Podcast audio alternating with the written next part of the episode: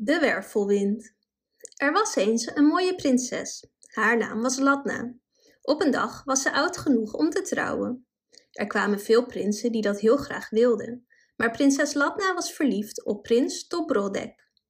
Prins Dobrodek was ook verliefd op haar. Het was dan ook geen verrassing dat de prins en de prinses elkaar het ja-woord zouden geven.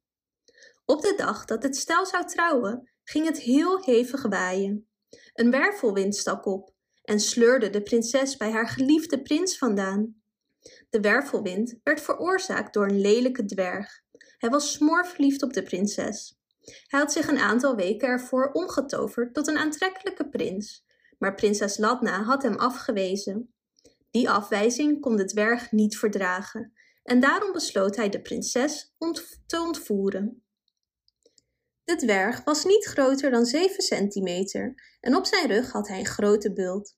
Opmerkelijk was zijn 2 meter lange baard.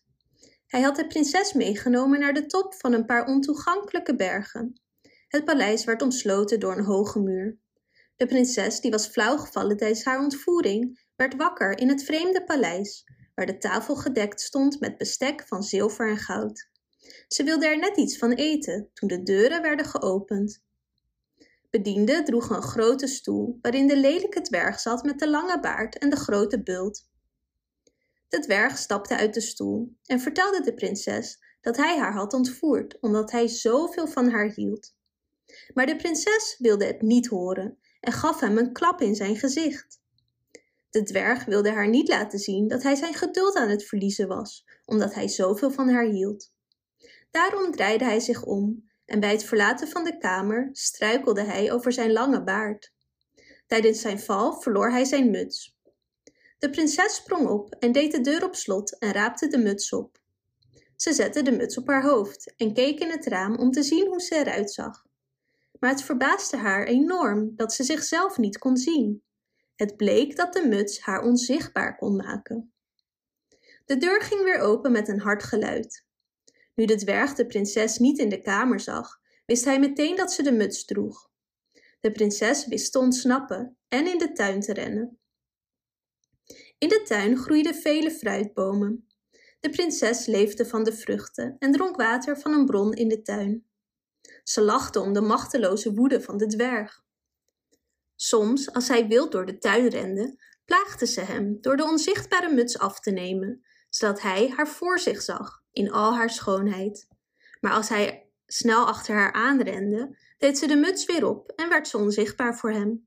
Ze gooide dan kersenpitten naar hem en rende weer weg. Op een dag raakte haar muts verstrikt in de takken van een boom. De dwerg zag zijn kans en greep de prinses vast. Op dat moment klonk het geluid van een trompet, het teken dat iemand de dwerg uit wilde dagen. De dwerg werd woedend en nam de uitdaging aan. Maar eerst ademde hij op de prinses, waarop ze in een diepe slaap viel. Daarna deed hij zijn onzichtbare muts op haar hoofd. Nadat hij dit had gedaan, greep hij zijn zwaard en vloog de wolken in om de ridder die hem van bovenaf had uitgedaagd te doden. Maar waar kwam deze ridder vandaan?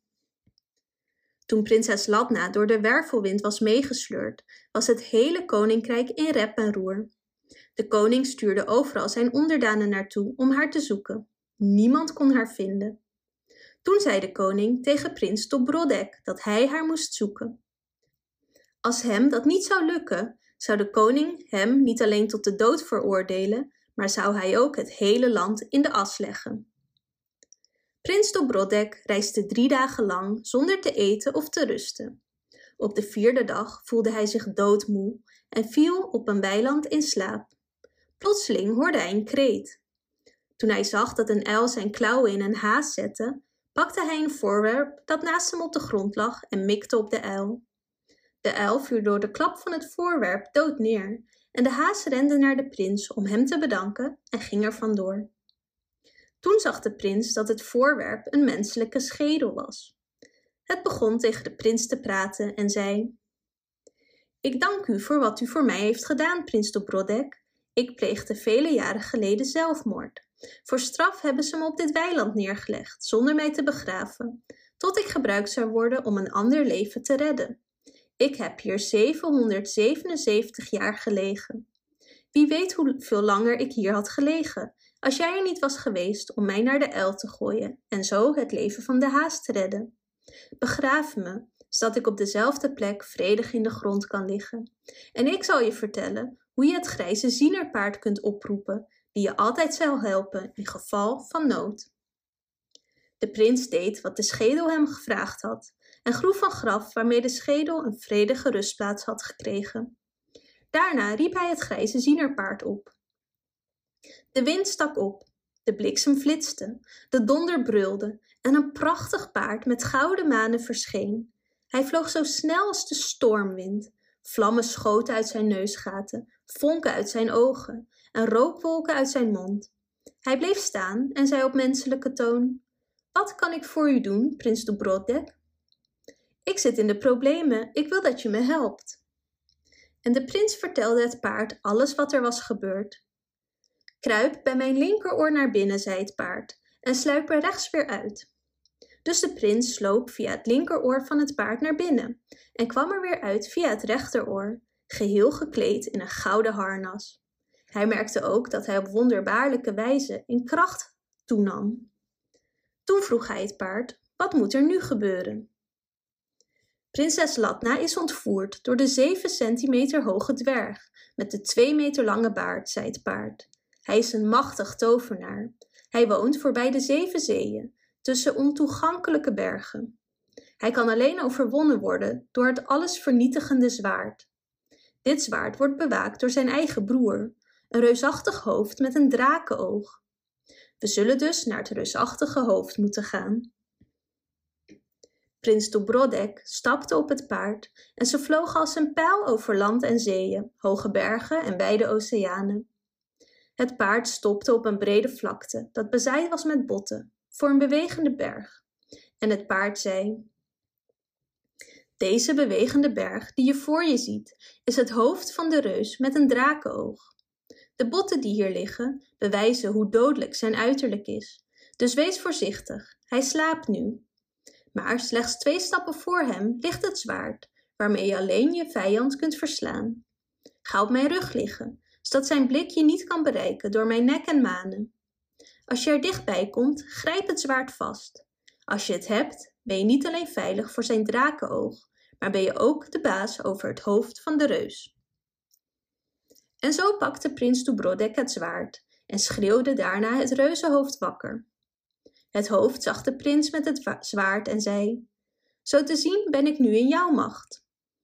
Voordat je me nu doodt, zal ik je vertellen wie en wat ik ben. Ik ben een ridder van het ras van de reuzen. En ik ben geworden tot wat ik ben door mijn jaloerse broer. Hij was het zwarte schaap van onze familie. Hij werd geboren als lelijke dwerg met een lange baard. En ik was knap, en dat kon hij niet uitstaan. Het enige dat in zijn voordeel werkte was zijn grote kracht. En die zit allemaal in zijn lange baard. Zolang die niet geknipt is, kan hij niet overwonnen worden. Dat kan alleen maar gedaan worden met het allesvernietigende zwaard dat je nu in je handen hebt. Hij heeft met zijn kracht het zwaard gebruikt om mijn hoofd eraf te hakken en heeft het laten liggen, waardoor er gras op begon te groeien. Daarna heeft hij mij betoverd om hier voor eeuwig over het zwaard te laten waken. Ik zal zijn baard met het zwaard inkorten, beloofde de prins het hoofd, en wel nu meteen. Grijszienerpaard, breng me naar het koninkrijk van de dwergtovenaar met de twee meter lange baard. Dus vertrokken ze meteen, razendsnel vliegend door de lucht, over zeeën en bossen. Na een tijdje stopten ze op de top van een hoge berg en het paard zei: Deze bergen zijn het koninkrijk van de dwergtovenaar. Prinses Latna en de tovenaar zijn nu allebei in de tuin, dagen hem uit om te vechten. Prins Dubrodek blies op zijn trompet en de dwerg vloog de lucht in, om zich op zijn tegenstander neer te storten. Toen de prins opkeek, zag hij de dwerg boven hem zweven. De dwerg had zijn zwaard getrokken, klaar om hem aan te vallen. De prins sprong opzij en de dwerg kwam met zo'n kracht naar beneden dat zijn hoofd en nek in de grond werden geramd. De prins greep de dwerg bij de baard, wond hem om zijn linkerhand en begon met het allesvernietigende zwaard de baard door te snijden. De De dwerg werd zwakker en zwakker, naarmate hij meer haar verloor, en liet zich langzaam vallen. Nadat de prins de hele baard had afgesneden, haastte hij zich om de prinses te vinden, maar hij vond haar nergens. Terwijl hij van de ene plaats naar de andere plaats rende, raakte hij toevallig de onzichtbare muts en trok het weg van het hoofd van de prinses, waarop hij haar meteen zag in al haar schoonheid.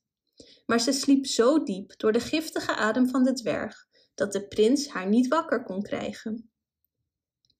Hij nam haar in zijn armen, stopte de onzichtbare muts in zijn zak en raapte ook de boze dwerg op die hij met zich meedroeg. Hij klom toen op zijn paard, vloog als een pijl en stond binnen een paar minuten voor het hoofd van de reus. Het reuzenhoofd at de dwerg op en daarna werd het hoofd door de prins in kleine stukjes gehakt. Nadat hij zich dus zowel van de dwerg als van de reus had ontdaan, reed de prins verder met de slapende prinses op het grijze zienerpaard. Tegen zonsondergang kwamen ze op dezelfde plek waar hij het paard voor het eerst had geroepen. Hier zullen wij afscheid nemen, zei het grijze zienerpaard. Maar hier in de wei staat je eigen paard en het is niet ver naar je eigen huis. Dus sluip in mijn rechteroor en kom er in mijn linkerhand weer uit. De prins deed wat hem was gezegd en kwam naar buiten zoals hij eerder was geweest. De prins was moe van de lange reis, dus nadat hij de prinses, die nog sliep, op het zachte gras had neergelegd, ging hij zelf liggen en slapen. Maar diezelfde nacht reed een van de prinses Latna's afgewezen prinsen voorbij. In het maanlicht herkende hij de prinses en de prins. Hij pakte zijn sabel en doorboorde de prins ermee. Daarna droeg hij de prinses en bracht haar naar haar vader. De koning verwelkomde hem opgetogen als de bevrijder van zijn dochter. Maar toen hij merkte dat ze niet wakker was te krijgen, vroeg hij wat haar mankeerde. Ik weet het niet, uwe majesteit, antwoordde de ridder. Nadat ik de grote tovenaar die de prinses had ontvoerd had gedood, vond ik haar zoals ze nu is, diep in slaap. Prins Dubrodek had ondertussen, dodelijk gewond, nog net kracht genoeg om het grijze zienerpaard te roepen, dat onmiddellijk kwam. Toen het paard zag wat er aan de hand was, vloog hij naar de top van de berg van het eeuwige leven, waar de prins wonderlijk snel genas. Het paard wist de prins te vertellen dat een rivaal hem dodelijk had gewond, de prinses naar haar vader had gebracht en deed alsof hij de bevrijder was, in de hoop met haar te mogen trouwen. Maar wees gerust, zei het paard. Je hebt nog wat van de baard van de dwerg in je broekzak. Raak daarmee het voorhoofd van de prinses aan en ze zal gewekt worden. Hierna verdween het grijze zienerpaard en de prins riep zijn eigen paard en nam de onzichtbare muts mee op weg naar het koninkrijk van zijn geliefde. Het koninkrijk was op dat moment omsingeld door vijanden. Prins Dubrodek zette de onzichtbare muts op en viel met zijn allesvernietigende zwaard de vijanden aan. Ze vielen naar rechts en naar links, terwijl het zwaard hen aan beide kanten trof, totdat de helft van hen was gedood en de rest het bos inrende. Ongezien door iemand kwam de prins aan bij het koninklijk Parijs. De koning, omringd door zijn ridders, hoorde het verslag aan van deze plotselinge aanval, waardoor zijn vijanden waren verslagen. Maar door wie? Niemand kon het hem vertellen. Toen nam prins Dubrodek zijn onzichtbare muts af, verscheen plotseling in het midden van de vergadering en zei: Koning en vader, ik was het die uw vijanden versloeg. Maar waar is prinses Labna, die ik heb gered van de tovenaarsdwerg met de twee meter lange baard? Een van uw ridders heeft haar van mij gestolen. Breng haar bij mij, zodat ik haar uit haar magische slaap kan wekken. Toen de valse ridder dit hoorde, sloeg hij op de vlucht. Prins Dubrodek raakte met de baard het voorhoofd van de slapende prinses aan. Ze werd direct wakker en staarde hem liefdevol aan met haar mooie ogen. De koning nam haar in zijn armen. En diezelfde avond trouwde prinses Latna met haar prins. De koning gaf hun de helft van zijn koninkrijk en er was een prachtige bruiloft, zoals nog nooit eerder was gezien of gehoord. Bedankt voor het luisteren. Wist je dat je dit verhaal ook op onze website ririro.com/nl kunt lezen, downloaden en printen?